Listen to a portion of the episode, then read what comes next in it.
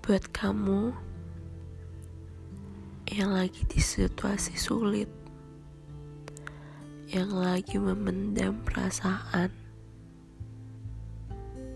coba jujur, coba jujur dengan hati kamu sendiri, karena gak ada yang salah ketika kamu jujur pada diri kamu sendiri, pada perasaan kamu sendiri. Setidaknya satu beban hilang.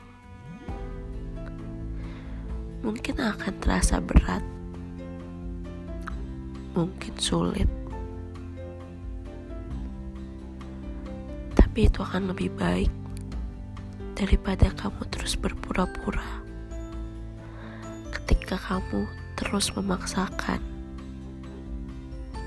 perasaan di waktu yang salah.